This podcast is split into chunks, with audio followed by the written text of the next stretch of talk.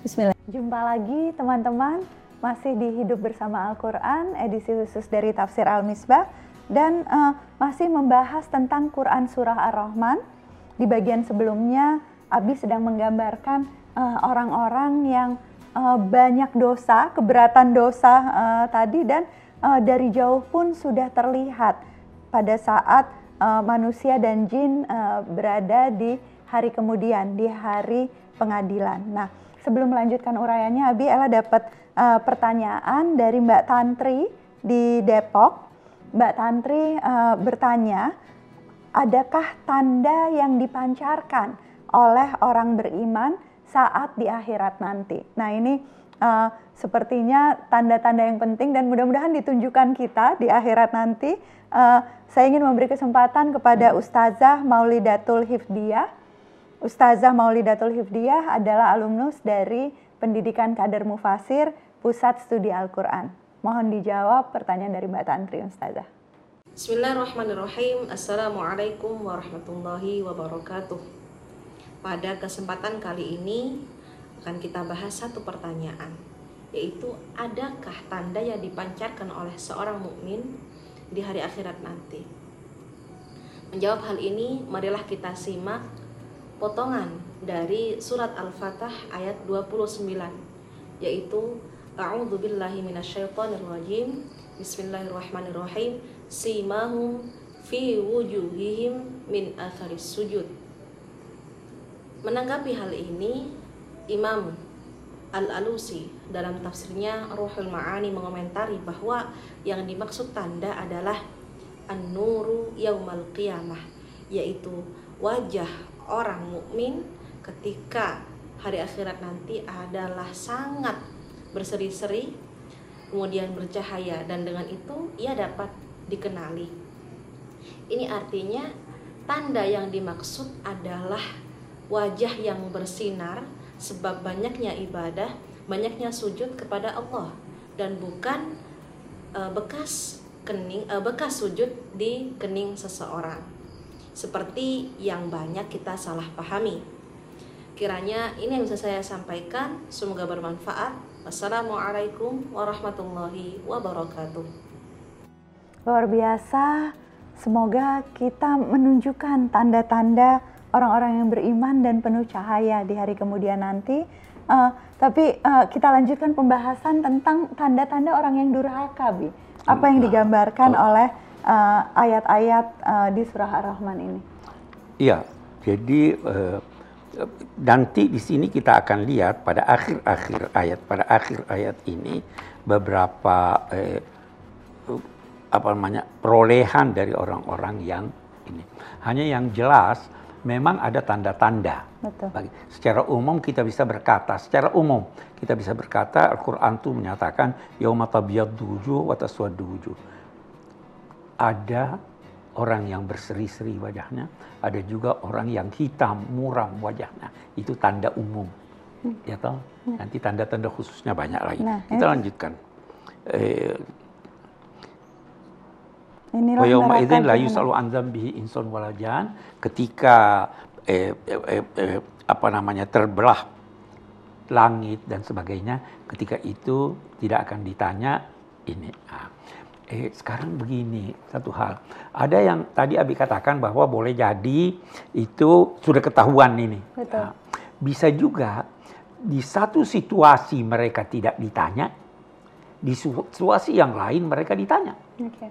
Ya tahu jadi ah, oke. Okay. Yu'raful mujrimuna bisimahum fayu'khadhu bin nawasi wal aqdam. Menarik di sini yang bisa menenangkan lagi al mujrimun. Orang-orang yang telah mendarah daging kejahatan pada dirinya. Bukan orang yang berdosa. Oh, pendosa-pendosa. Ya toh? Jadi mungkin yang berdosa kita semua berdosa sih. Mudah-mudahan tidak ter tidak termasuk al-mujrimin. Okay, nah, baru dikatakan pada mereka, "Hadhihi jahannamul lati yukadzibu bihal mujrimun." Inilah jahanam yang didustakan, diingkari oleh para penduharka itu. Inilah berarti dekat. Ini neraka jahanam. Ini, ini neraka nih, bukan jauh. Oke. yatufuna bainaha wa baina hamimin am. Mereka berkeliling di di neraka itu antara eh, apa namanya eh, air panas yang mendidih. Ya Allah. Jadi kita lihat bainaha di antaranya, bukan di sekelilingnya. Betul. Di sekeliling berarti di luar. Di antaranya di dalamnya. Dia di bawah. Yatufuna bainaha wa baina hamimin an. Fa bi ayyi ala'i rabbikum tukadziban. Kita mau eh, berhenti lagi di sini sedikit. Eh, yang pertama, kita sudah berulang-ulang menjelaskan fa bi ayyi ala. Betul. Ah. Ada penasarannya sih. Ah. Ada penasarannya kenapa pada saat menggambarkan neraka, menggambarkan orang-orang yang durhaka, ini Allah kemudian menanyakan hal itu, Bi. Ah. Apa ini ini kecaman, pertanyaan retoris atau ngancam atau atau apa sebetulnya? Bagus. Anggaplah ini ancaman. Ancaman. Bagus. Apakah ancaman itu bukan nikmat? Apakah peringatan itu bukan nikmat? Betul. Diingatkan. Diingatkan loh, ini begini, begini, itu nikmat. Ah, karena itu ah, kita sekarang ini 31 kali terulang.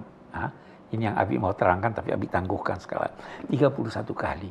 Kenapa 31 kali? Apa apa ada makna 31 itu? Ada dua sikap ulama. Ada yang berkata jangan menanyakan tentang angka-angka. Dalam konteks agama. Karena nggak kita nggak akan menemukan tidak jawabannya. akan menemukan.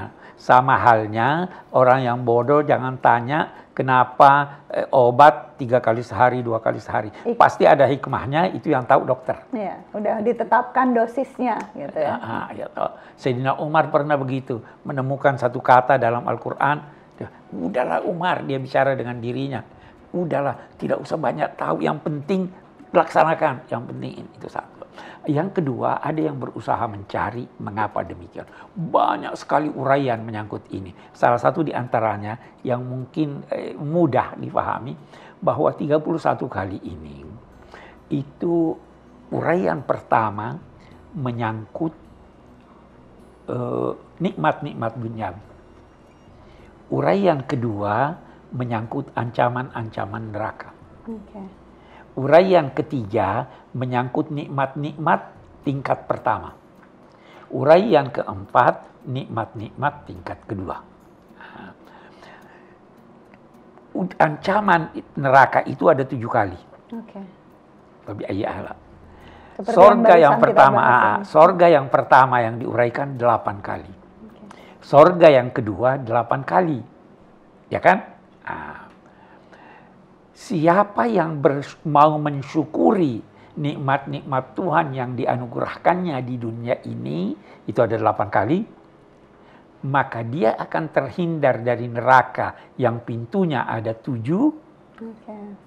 Dan dia dipersilahkan masuk di salah satu pintu sorga yang pintunya ada delapan. Oke. Itu kesan sementara Itu- orang itu- eh, tentang fabi ayyi ala rabbikum atukadziban. Mudah-mudahan eh, mudah-mudahan kita mendapat pemahaman yang lebih utuh tentang ayat yang eh, diulang-ulang dalam surah Ar-Rahman ini. Sayang sekali teman-teman kalau kita hanya baca tahu artinya tetapi tidak betul-betul paham maknanya dan mudah-mudahan seperti yang Abi sampaikan ini akan mengantarkan kita ke pintu surga, delapan pintu surga lebih banyak daripada Oh pintu iya, neraka ya Bi ya. betul. Lebih banyak dari pintu neraka uh, berarti insya Allah kesempatan kita untuk sampai ke sana juga lebih besar dan uh, semoga bisa terus belajar bersama saya dan Abi. Sampai jumpa esok hari di Hidup Bersama Al-Quran edisi khusus dari Tafsir Al-Misbah. Terima kasih.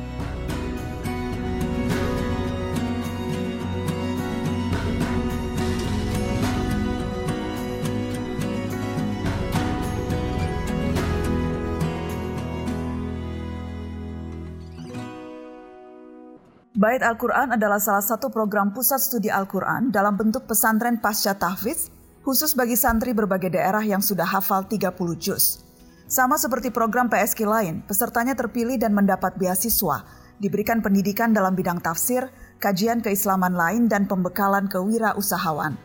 Alumni Bait Al-Quran kembali ke pesantren dan kabupaten masing-masing untuk menjadi penggerak Islam moderat di kampung halamannya di penjuru Nusantara.